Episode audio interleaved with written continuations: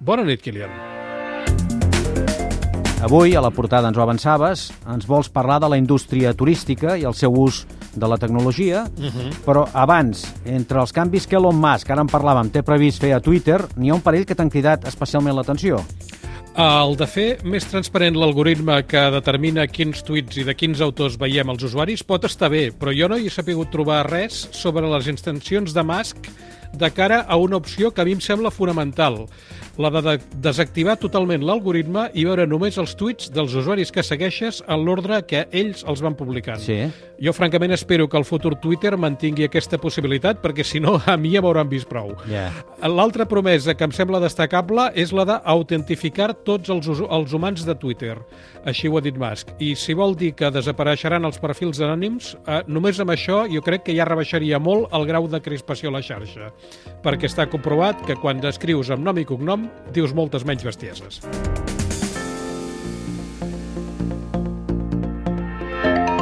Això és cert, eh? posar-hi nom i cognom et fa frenar una mica. Eh, ho anirem veient de tota manera.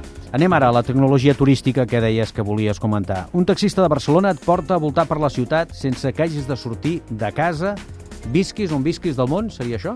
Sí, des del teu sofà de Berlín o de Buenos Aires pots fer una visita turística personalitzada en temps real gràcies a les càmeres que aquest conductor de Barcelona ha instal·lat al seu taxi. És un exemple a molt petita escala de les innovacions que el sector turístic s'han pescat per sortir de la crisi on va caure per culpa de la Covid.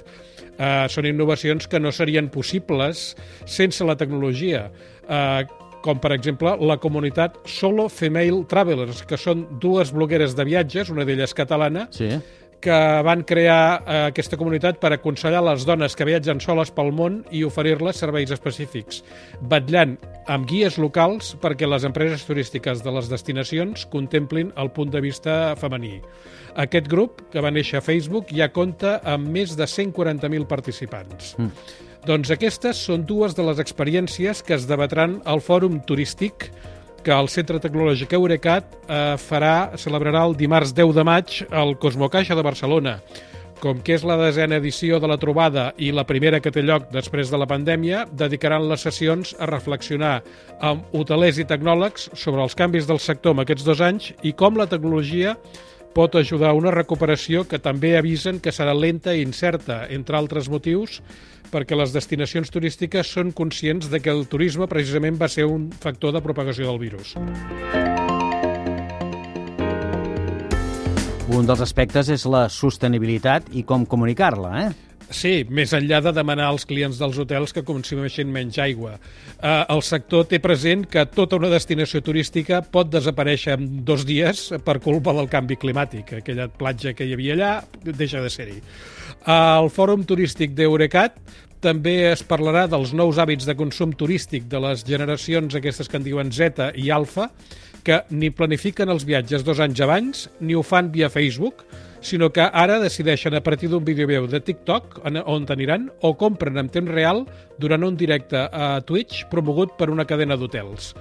Això obliga les empreses de turisme a ser més àgils, a aplicar la tecnologia per oferir serveis més intel·ligents i personalitzats, però tot això sense deixar de respectar l'ètica en el tractament de les dades personals. Tot això en una jornada d'aquí a dues setmanes, eh? Uh, sí, el dimarts 10 a Barcelona, però també es podrà seguir a distància. Uh, el programa i el formulari d'inscripció els trobareu a la web forumturístic.com doncs forumturístic.com Tot junt, eh? forumturístic.com Molt bé, doncs ja ho sabeu. Gràcies, Albert. Molt bona nit. Bona, bona nit, Kilian. Fins demà.